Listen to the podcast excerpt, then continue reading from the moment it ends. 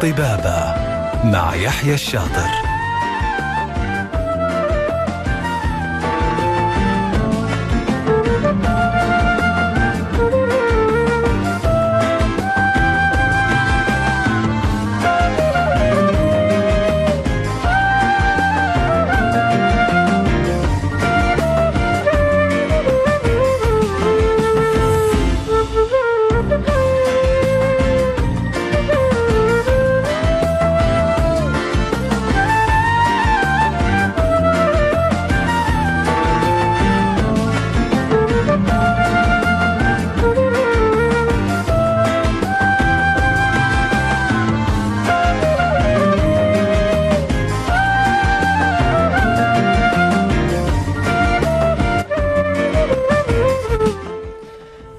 الله الرحمن الرحيم السلام عليكم ورحمة الله وبركاته يسعد لي مساكم مستمعينا وحبايبنا في كل مكان على إذاعتكم إذاعة ألف ألف اف ام الموجة السعودية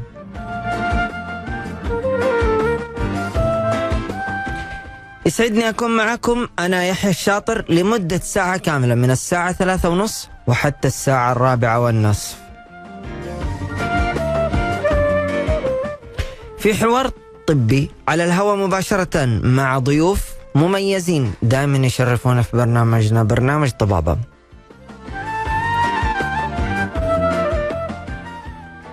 إحنا في كل حلقة من برنامج طبابة بنطرح موضوع جديد بنتكلم فيه كل ما يتعلق بصحة الإنسان وعن الأمراض وكيفية العلاج والوقاية منها وبنتكلم كمان عن آخر المستجدات والتقنيات الحديثة اللي وصلت. اللي وصلنا لها في المجال الطبي.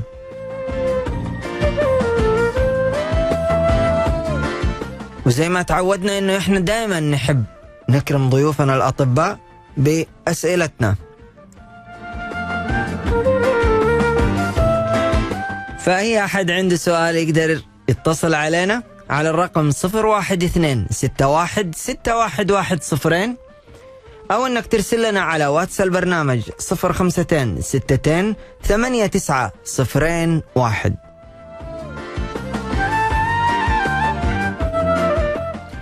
وخليني أنوه أنه حلقتنا بإذن الله حتكون متاحة خلال 24 ساعة على اليوتيوب في حسابنا ألف ألف إف إم.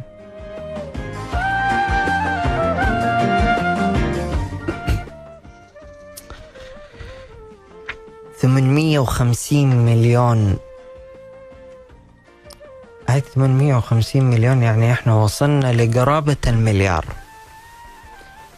يعني شيء ورقم ما هو بسيط.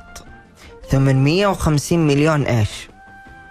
850 مليون شخص حسب تقرير منظمة الصحة العالمية لديهم إصابة بمرض الكلى. و هي تقول يعني نقولها إحنا أصلا في اللغة العربية الفصحى إنه تسمى الكلى. فاللهجه العامية أخذت خلاص في أنحاء الدول العربية ان اسمها كلى. فالله يشفي كل مريض. فدائما إحنا وكل دكتور دائما يقول لك شرب الموية اشرب موية من لترين إلى ثلاثة. ولازم إحنا خاصة في رمضان بنقلل شربنا للموية وأيام البرد بنقلل شربنا للموية. في رمضان لازم تخلي شربك للموية ما بين الم... الم... بعد أذان المغرب لين الفجر يكون منتظم كذا وتحاول تخلص الثلاثة لتر. بس ما في أحد لا حياة لمن تنادي.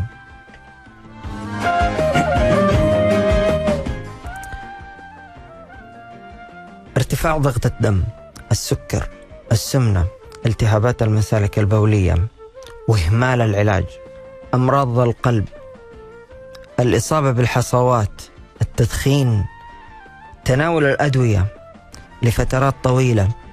كل هذه أنتم بتتكلموا عليها بتسبب مرض الكلى. أحس أني أنا خلصت الكلام على الدكاترة وجاوبت على كل الأسئلة. فإذا بتسألوني طيب. كثر خير الدنيا.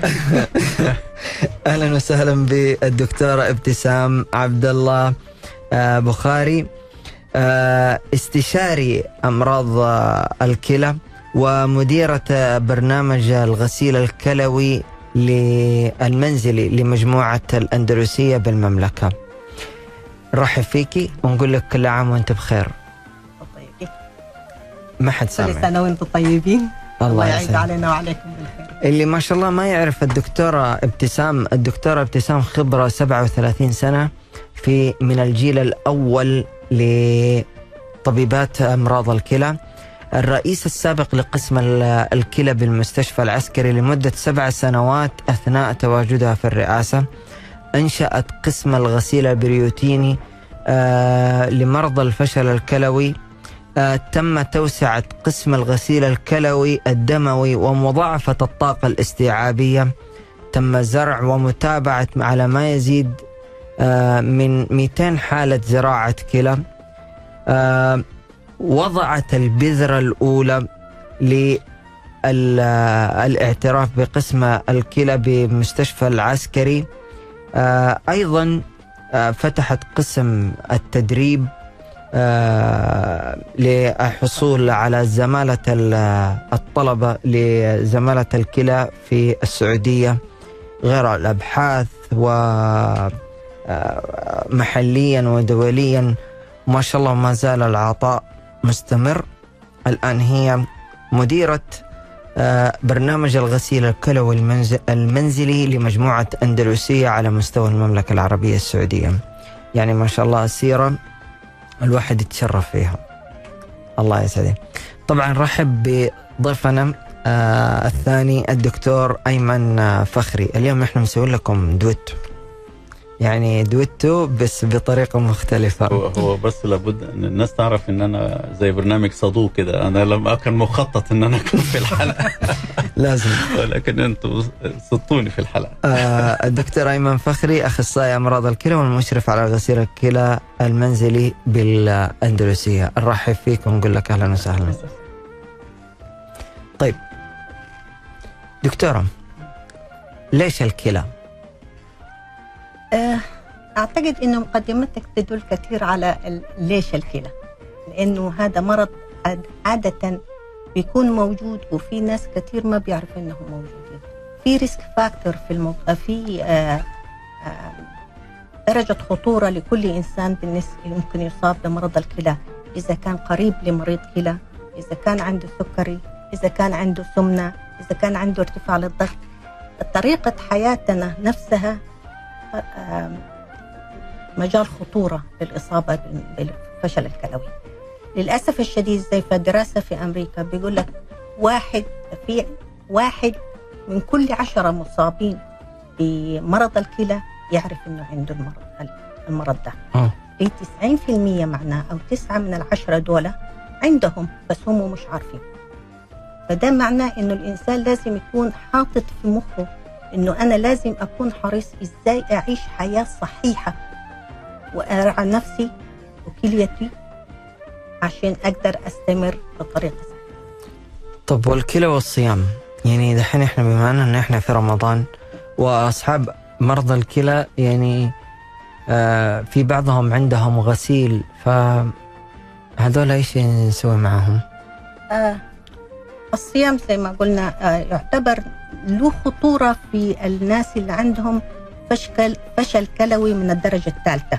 نحن بنقسم فشل كلوي لخمسة أقسام.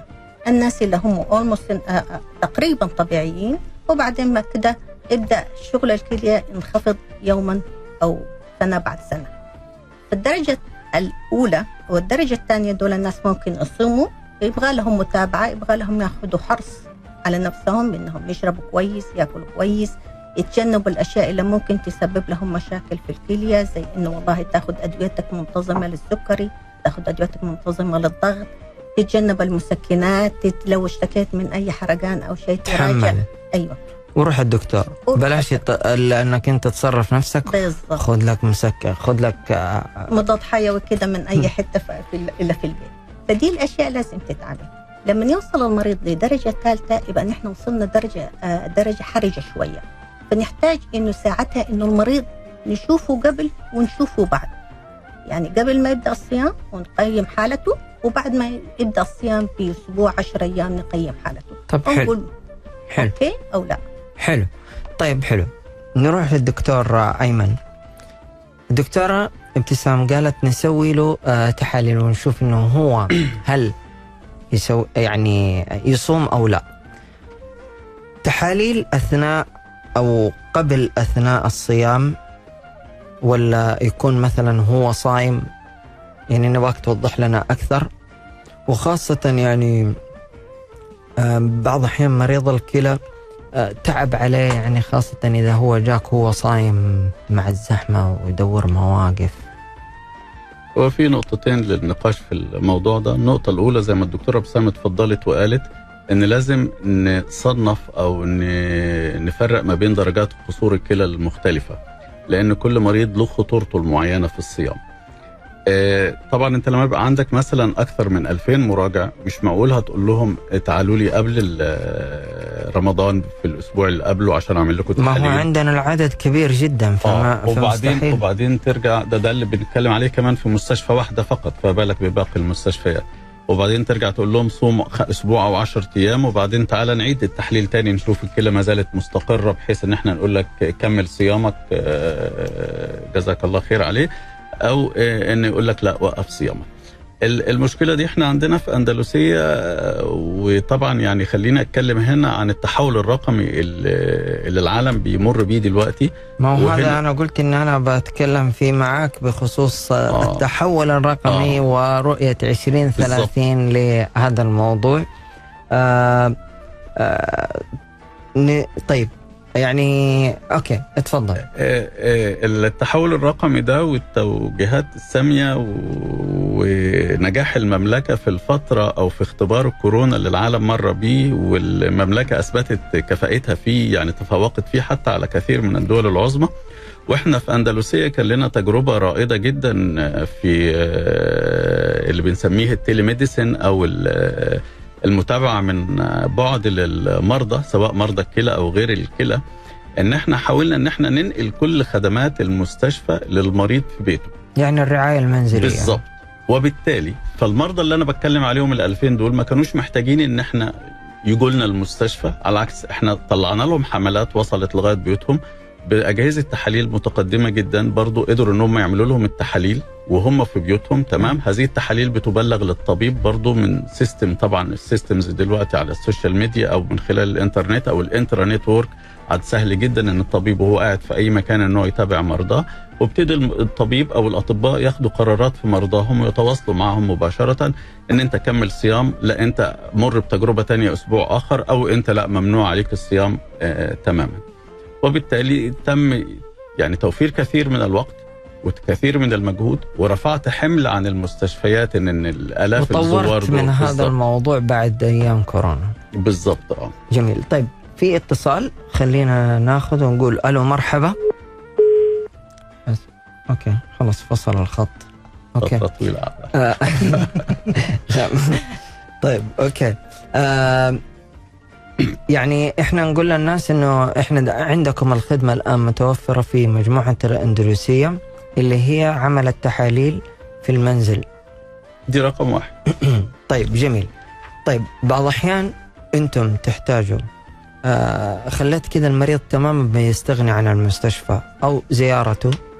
لا هو هو لسه ما استغناش هو معلش هو في كذا خطوة يعني سابقة لذلك إنه بناء على التحاليل بيبتدي ممكن قلت لي في طبيب آه. يكشف عليه عن بعد بالضبط بناء على التحليل لأن ممكن التحاليل تكشف لك أشياء أخرى. يعني أنت ممكن بعيدا عن قصة الكلى أنت ممكن مريض أو أسرة تستدعي ال- ال- الفريق الطبي إن هم يروح يكشف على المريض مثلا ولسه مش عارف تشخيصه إيه. فتكتشف مثلا إن هو محتاج مثلا طبيب كلى أو إن هو محتاج جراح أو محتاج مثلا طبيب آه، عيون أو أسنان.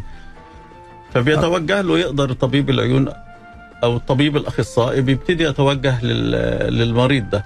لا تنقطع صلة المريض تماما بالمستشفى ما زالت المستشفى موجودة. ولكن أنا زي ما قلت لحضرتك التجربة أثبتت أثناء فترة كورونا أن من 60 ل 70% من رواد العيادات أساسا تستطيع متابعتهم وهم في البيت. سواء ما يتعب. بدون ما يتعب وبدون انت كمان ما تزيد الحمل ده عن المستشفى في الزو... في الزيارات. جميل. طب مستمعينا إحنا أكيد رايحين نكمل معاكم مع ضيوفنا. الدكتورة ابتسام عبد الله البخاري عبد الله بخاري استشاري أمراض الكلى ومديرة برنامج الغسيل الكلوي المنزلي لمجموعة الاندلسية بالمملكة العربية السعودية والدكتور أيمن فخري اخصائي امراض الكلى والمشرف على غسيل الكلى المنزلي بالأندلسية. فاصل ونرجع لكم. طيبة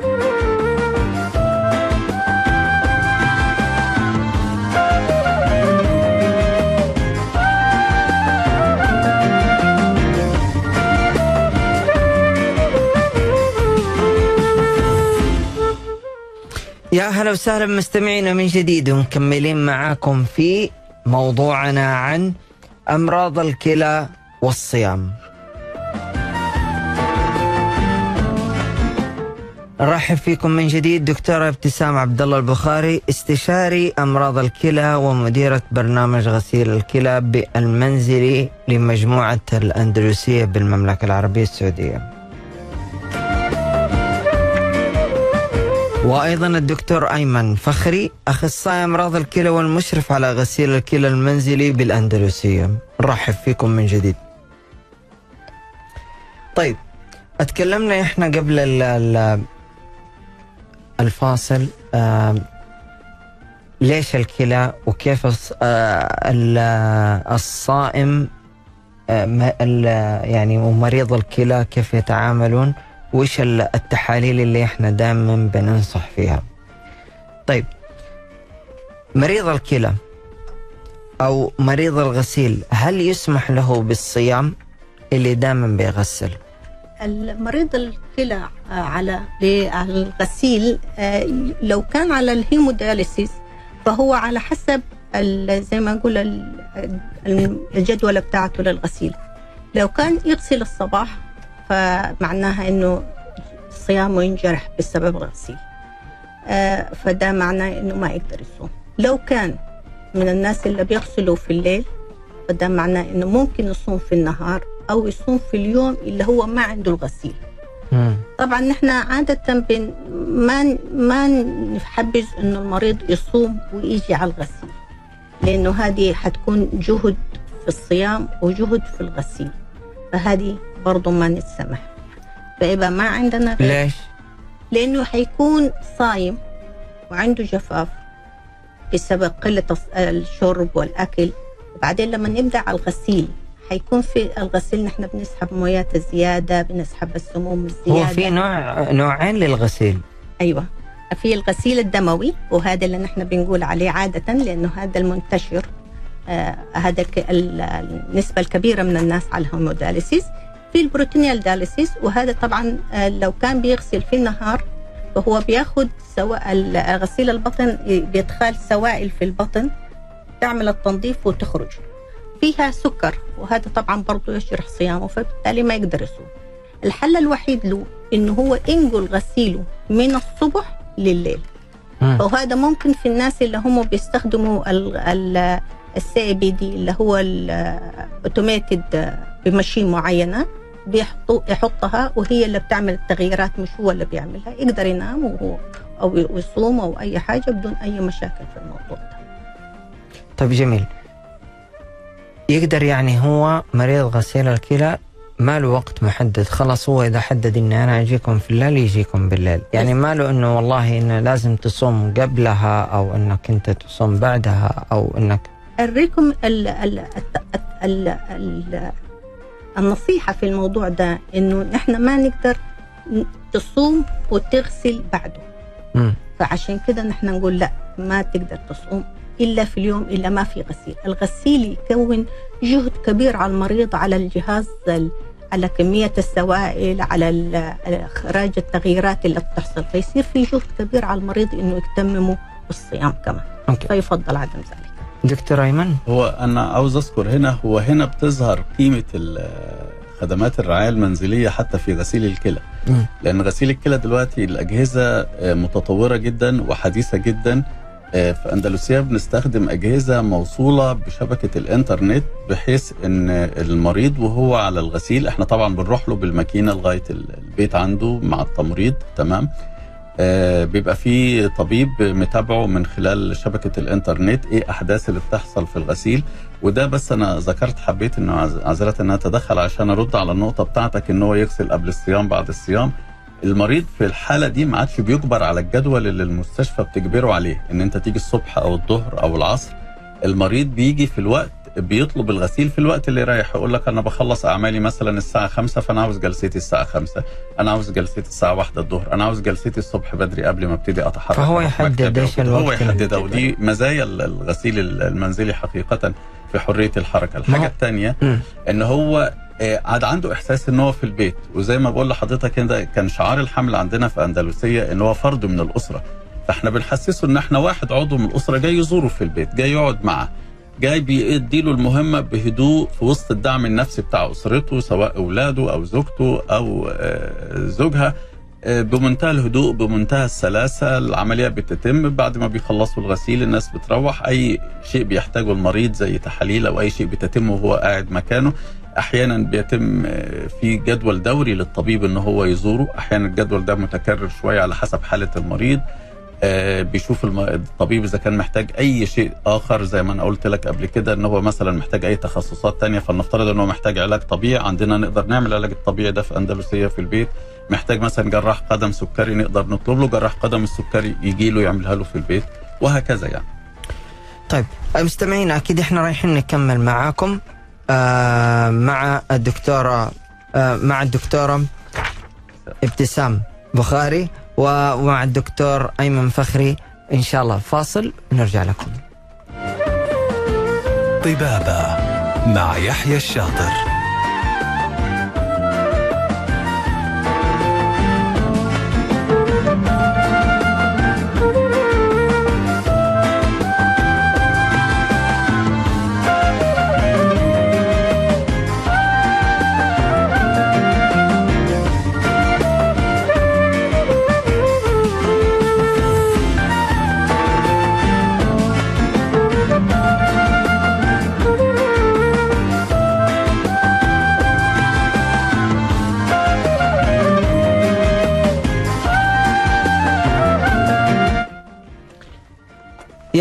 وسهلا مستمعينا من جديد مكملين معكم في موضوعنا عن كليتك في رمضان.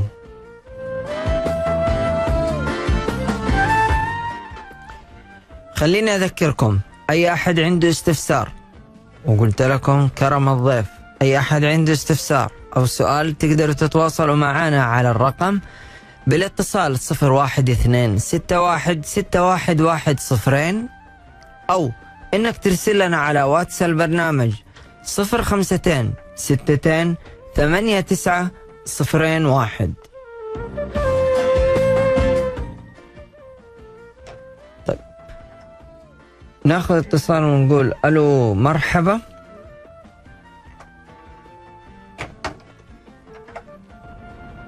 ألو. ألو السلام عليكم. وعليكم السلام ورحمة الله وبركاته. الله يسلمك يا رب أنا عندي بس استفسار بخصوص الغسيل الكلى المنزلي. أيوة.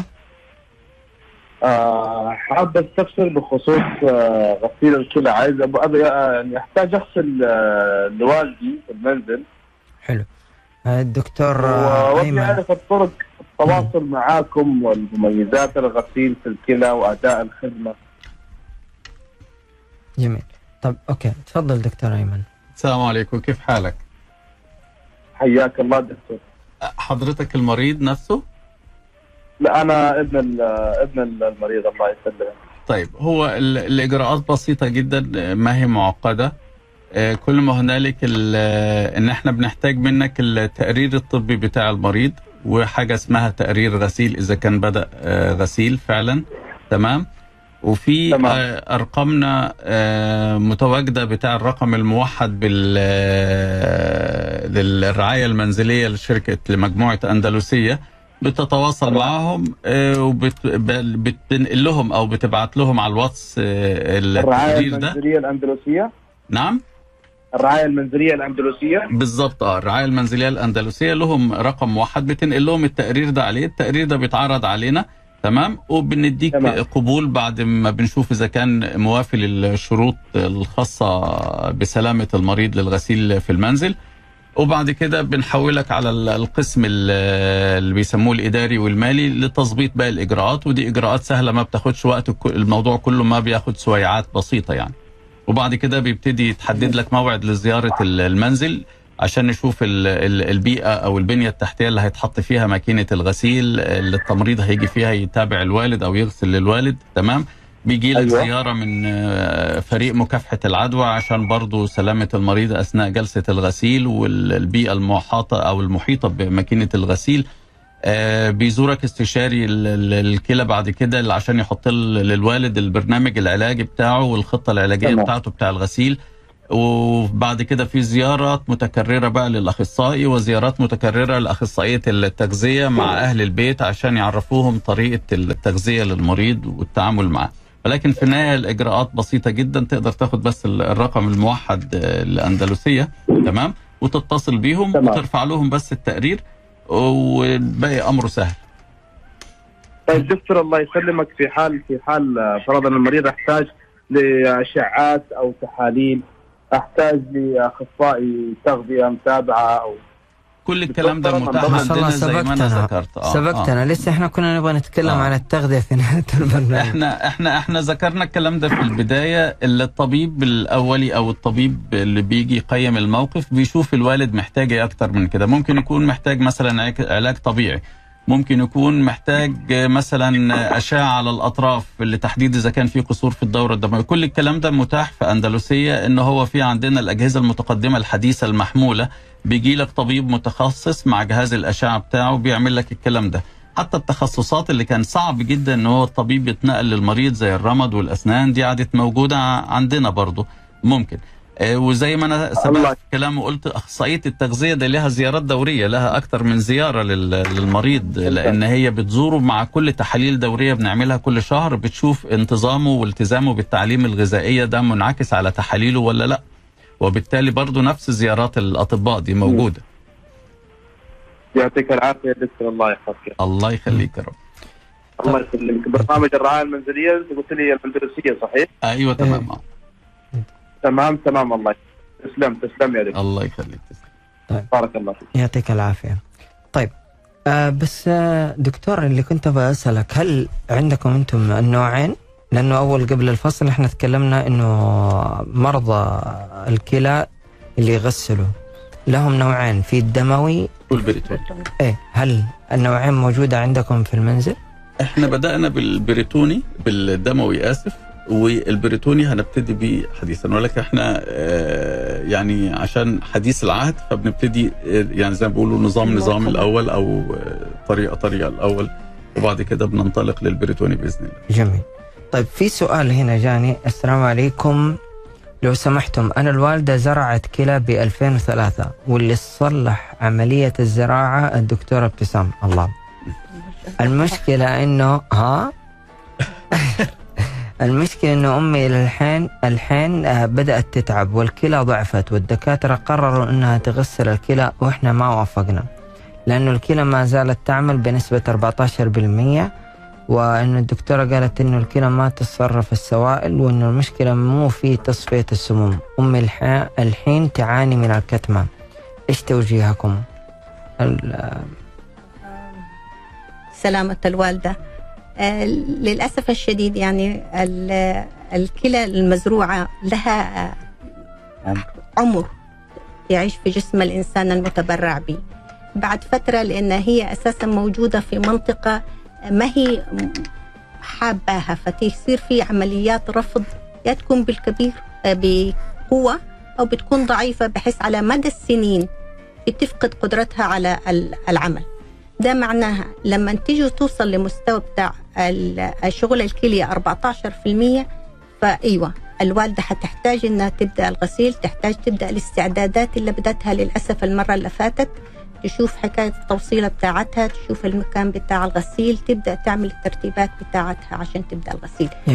يعني اللي بيأخذ حتى كلى وتم التبرع له برضه يمكن ما تستمر معاه الكلى؟ ال- ال- الكلية المزروعة ما تعيش أبد الدهر. لكل زي ما يقولوا لكل أجل كتاب. فالكلية المزروعة في جسم الإنسان الغريب يهاجمها الجسم. أحيانا بتكون بقوة وتفقد مباشرة أو بعد فترة بسيطة وأحيانا بتكون على المدى الطويل وهذا اللي نسميه هنا الرفض المستمر الرفض المزمن. فيبدأ بشويش بشويش يتغير. أقلها وأكثرها. لا. من الرفض الحاد ممكن جدا يعني بداية بس- بعد العملية مباشرة. ممكن جدا لو كانت في okay بس إذا. هذه تسمى نجاح العملية إنه خلاص آه، اكتملت خلاص قبلت ال- الكلى الجسم. بس. وتجلس معاه تجلس قد ما تجلس على حسب ما المريض نفسه زي ما قلت في تغذيته؟ أحيانا بيحصل. في المفروض إنه هو يهتم بنفسه بقى. التغذية الرعاية بالنسبة للأمراض المزمنة اللي موجود فيها يعني السكري لازم يكون مظبوط زي الساعة الضغط الدم مظبوط زي الساعة شربة ال- الحمية نفسها تكون زي الساعة. ما المفروض إنه ابدا يكون مثلا يقول أنا زرعت يبقى خلاص. لأنه الكلية الأصلية اللي هي بتاعته للأسف الشديد فقدها لمرض. أي. والكلية المزروعة برضه حيفقدها لو ما اهتم بنفسه. صحيح. لازم يكون دقيق جدا في أخذ الأدوية لأن على طول الخط اللي هي تمنع الرفض المزمن. فهذه دي إمكانية موجودة على طول الخط فلازم يكون يخلي باله منها. لما لا قدر الله يعني زي في الوضع ده المريضة وصلت لدرجه 14 فهي تقريبا وصلت لدرجة الدرجة الخامسة. واذا كانت قريبتها بتقول إنه بدأت تجمع مويات وبدأت تحس بكتمة في النفس ده معناه إنه بدأت في درجة خطورة حتى. يعني. ما تحتاج إنها تجلس تستنى على ما توصل لخطورة لا لازم تبدأ من بدري تستعد بالتوصيل بالاستعدادات في المستشفيات أو في الأماكن الثانية آه، يعني آه، تبدأ تدبر حالها على حسب الإمكانيات اللي موجودة عندها. الله آه. عندنا اتصال. ألو مرحبا. السلام عليكم. السلام ورحمة الله. يسعد مساك معي الدكتورة ابتسام. تفضل مع الدكتورة أيوة. ابتسام تسمعك أيوه ستي. كيف حالك دكتورة ابتسام؟ معاكي آه، آه، واحدة من بنات مريضاتك واحدة من مريضتك اسمها فاطمة الفيسي تدعي لك من أيوة. قبل 20 سنة. والحمد لله كليتها إلى الآن بس إنه الح- دحين حالتها يعني تدهورت. يعني مع إنه وظائف الكلى 300 الدهوة فما من. من أي جهة؟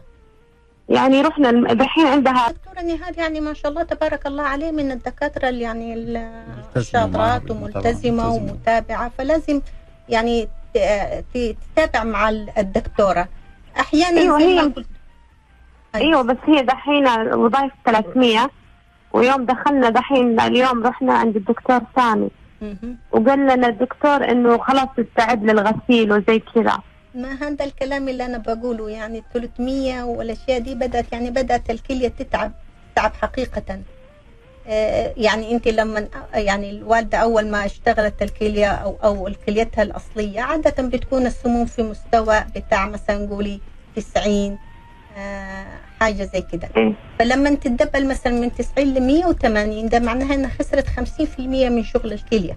لما تتدبل من صحيح. 180 مثلا ل 300 وكسر فخسرت خم... نص 50% من ال 50 الأصلية فهي وصلت لمستوى بتاع 25% ده الوقت اللي تبدأ نستعد نستعد على ال ال ال الحمية والأدوية هذا والمتابعات المستمرة ونقرر بقى حنبدا الغسيل متى وكيف طيب وفين. إيوه بس يعني السوائل في جسمها ما يعني ما في مدر يعني هم إلا إلا بممكن تاخذ مدر البول. اللي هو اللي نفس ال- ال- اللي كان يدوها هو. أيوه إلا هو ال- المفروض إنك أنت تت- تتبعي نصيحة الدكتورة آه نهال أيوه الدكتورة ال- ما قصرت. بالضبط. لأن هي دحين إنه- الطبيب المسؤول عن الحالة وهي المسؤولة أيوه صحيح. الكبيرة. بس والله أنا بس بقول لك إنه أمي تدعي لك من 20 سنة وهي تقول ما تنسى ابتسام بخاري.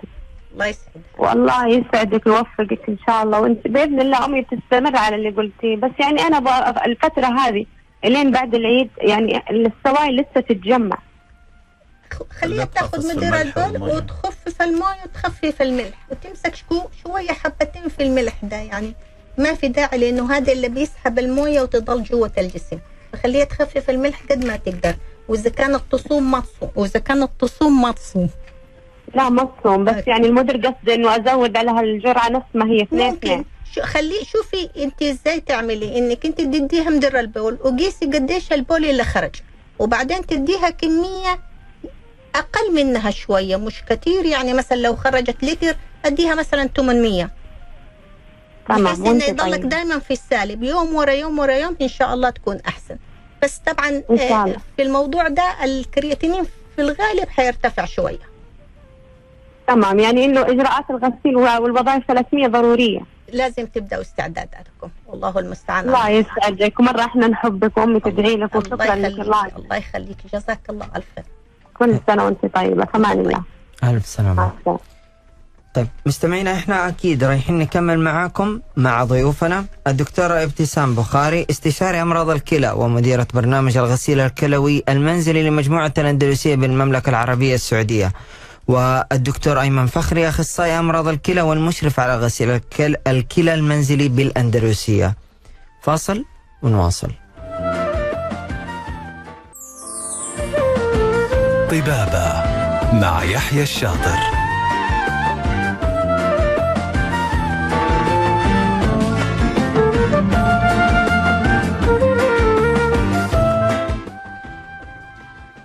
يا أهلا وسهلا مستمعينا من جديد ومكملين معاكم في موضوعنا كليتك في رمضان.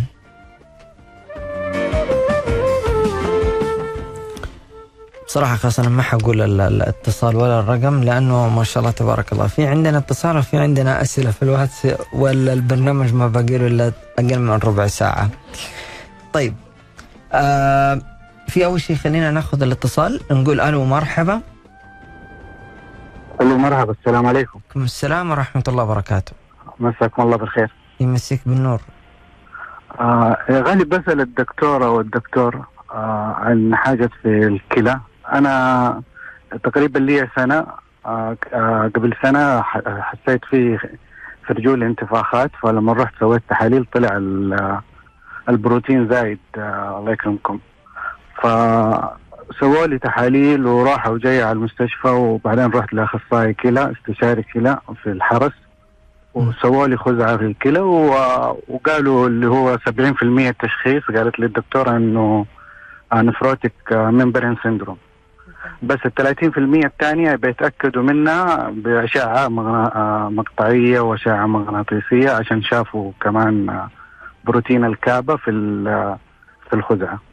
وخلصت ال- ال- الاشعه وكل شيء وما في شيء الحمد لله سليم كانوا يعني شاكين يكون في كانسر ولا شيء من الأشياء من من بروتين الكعبة إنه كان زايد شوية في الخزعة. فحاليا تقول لي الدكتور إنه بعد رمضان حنبدأ آه، مثبطات المناعة عشان هي كانت مديني دواء مؤقتا إنه بينزل الزلال إذا ما نزل خلاص بنبدأ مثبطات المناعة. فسؤالي يعني الاستشارية إنه هل خلاص آه، يعني إذا ما نزل يعني دحين هو كان أول ما رحت كان من 8 جرام. فالادويه اللي أعطتني إياها نزلته بس الخمسة الثلاثة أقل شيء ثلاثة. وفي بعض الشهور أنا أروح أحلل كل شهر ال 24 ساعة التحليل. فلساعه يعني مرتفع. والطبيعي يكون يعني فاصلة و15 يعني مرة يعني هو دحين مرتفع. فهل أبدأ يعني ولا أشوف استشاري ثاني وأشوف مستشفى ثاني أبدأ يعني أدوية مثبطات المناعه أنا خايف يعني من من هذه الأدوية حقت مثبطات المناعه آه. السلام عليكم. وعليكم السلام ورحمة الله. آم، المشكلة إنه ال- التقرير بتاع العينة إنه هو ممبرينس نفروباثي اللي هو ال- التهاب أغشي ال- الجد- الجدار الكلية. آه، إنه مع الكبا في الكبا هذه أحيانا بتكون شابكة زي ما قالوا في حكاية زي ال multiple myeloma اللي هو مرض من أمراض الدم. آه، المفروض إنه يقيسوا الكبا دي قديش مستواها ويقولوا إن هي عالية إن نحتاج إن نعالجها ك multiple myeloma أو إننا نحن لأ هذه حاجة موجودة آه، يعني بنسبة بسيطة وما هي ذات أهمية. لو كان membranous nephropathy فده معناه إنه هو إيه؟ انه عادة بندي الأدوية الابتدائية لكن لما نثبت إن هي membranous nephropathy في العاده ان إحنا بناخد الأدوية المثبطة للمناعه زي الكورتيزون زي سايكلوسفورين زي ال FK واحيانا بن- نعلم مستوى أعلى من ذلك على حسب استجابة المريض للعلاج يعني أول الدرجة الأولى والدرجة الثانية والدرجة الثالثة. طبعا المهم جدا في الموضوع ده إنه المريض ياخد أدويته يعني يعني بالضبط زي كأنه كل يوم يصحى من النوم يبقى ياخد أدويته. كل يوم يصحى من النوم ياخد أدويته. ما في يوم ينسى لأنه أي تغييرات المستوى الدواء هذه بتتغير. مثلا يكون مستواها 50 انزل لل 30 يصير في آه، ريلابس يعني نشاط زيادة في النشاط المرض نفسه. فلازم يكون منتظم جدا في الأدوية دي وأعتقد إنه الدكتور الاستشاري اللي بيتابعك ما شاء الله تبارك الله عليه ممتاز وربنا ييسر أمورك. ألف سلام عليك حبيبي. الله يسلمك. شكرا لك. الله يسلمك. طيب في عندنا سؤال على واتس البرنامج. بعد كم سنة من مرض السكري ينبغي أن أخاف على كليتي؟ وما هي التحاليل؟ والفحوصات التي يمكنني إجراؤها بصفة دورية للإطمئنان. من أول يوم. حلو. من أول يوم. اختصرت من الإجابة أول يوم لأنه لو لم ينضبط في ضبط السكر تأثير السكر تأثير تراكمي. مم. فالقصة كلها إنه لو ما كانتش عادة من عاداته ان السكر مظبوط إن الضغط مظبوط إنه ملتزم بعاداته الصحية الغذائية ملتزم بالعاداته يعني بنسميها الحركية في حياته ما يبقاش زي ما إحنا بنقول ستيدي لايف إن هو قاعد مريح طول الوقت لازم يمارس نوع من أنواع الرياضة. آم، أدويته ياخدها بوصفات آه، من ناس موثوق منهم. تمام؟ ما يعديش على الصيدلية ياخد أي أدوية بالذات المسكنات ومضادات الروماتيزم بحرية يعني زي ما إحنا متعودين. آه، تفضل الأمور هادية لعشرات السنين إلى ما شاء الله. ودايما أنا بكرر للناس إن إحنا لازم نأخذ بالأسباب وندعي رب الأسباب أن يسر الأسباب. صح. بس. إنما إنما إمتى؟ بعد كام سنة ممكن واحد يقعد فترة طويلة بال- بالسكر آه، وتجيله مضاعفاته في الآخر. وواحد ممكن فترة قصيرة وتجيله مضاعفاته قريب. آه في سؤال عندنا آه كنت حابب أسأل الدكاترة الأفاضل إمتى أحس إني لازم أراجع طبيب الكلى؟ واحد صحيح. بطمن على صحتي. هو هو عامة دلوقتي العالم كله بيتوجه للطب الوقائي أو الطب الدفاعي يعني قبل ما نستنى المشكلة تحصل إن إحنا نعمل المسح الطبي. بنعمل فحوصات بسيطة أولية كده عشان نلقط منها أمراض الكلى المزمنة. بيبقى فحص بسيط نمرة واحد إن إحنا عاوزين نعرف ضغطه ووزنه اللي بنطلع منه كتلة ال- الجسم. نعمل حاجة اسمها زلال في البول ونسبة كرياتينين في البول وبنعمل نسبة كرياتينين في الدم. تحليلين هما واحد بول وواحد دم. نبتدي نعرف منهم إذا كان في شبهة في عنده مرض في الكلى أم لا. ببساطة الموضوع. زائد إن إحنا بنقعد معاه نعرف تاريخه المرضي بنعرف إذا كان اتعرض لحاجات زي السكر زي الضغط إذا كانت واحدة جالها تسمم حملي إذا كان واحد متعود ياخد مسكنات إذا كان واحد معروف عنه دايما إن هو الدهون مستوى الدهون في الدم عالية وهكذا يعني. بتبتدي نلقط الحالات دي. إحنا عاملين على موقع أندلسية بالمناسبة ونقدر نحط لل... للناس هو موجود على الموقع بتاع أندلسية ونقدر نحطه على ألف ألف إف إم. آه، استبيان المر... آه، أي واحد في المجتمع يقدر يجاوبه وبنقول له لو سؤال واحد أو إجابة واحدة من العشر أسئلة عندك طلع إيجابية اعمل التحليلين دول وأوتوماتيك إحنا بيوصل لنا النتيجة وإحنا بنتواصل معاه من أندلسية طبيب مم. مختص في الكلى.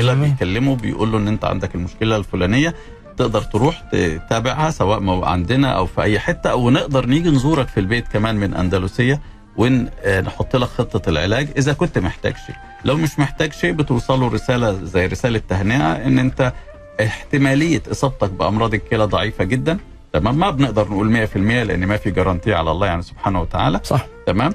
بنقول له نسبة احتمال إصابتك بأمراض الكلى ضعيفة جدا. أوكي. للأسف إحنا وصلنا لنهاية الحلقة. في شيء عندك دكتورة؟ ها؟ لا شكرا. للأسف إحنا وصلنا لنهاية الحلقة. شكرا لكما. شكرا لله يعني. والشكر لله اولا. آه، آه، شكرا للدكتور آه، ابتسام عبد الله بخاري.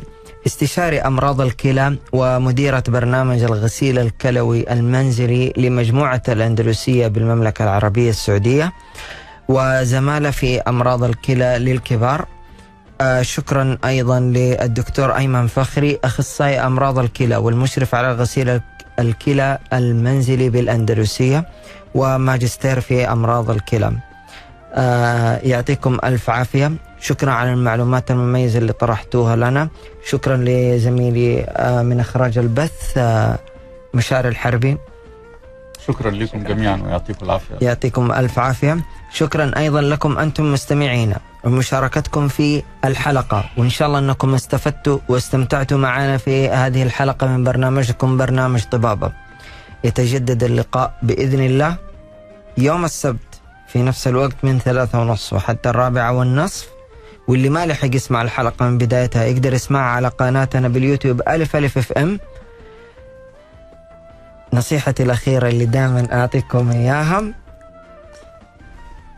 يعني أكثر أسباب الأمراض الإهمال إهمال العلاج وهذا أكبر سبب لأنه المرض يتطور و... وندخل في دوامة إحنا ما لها, ما لها داعي فالوقاية خير من العلاج. هذه تحية مني أنا يحيى الشاطر في أمان الله.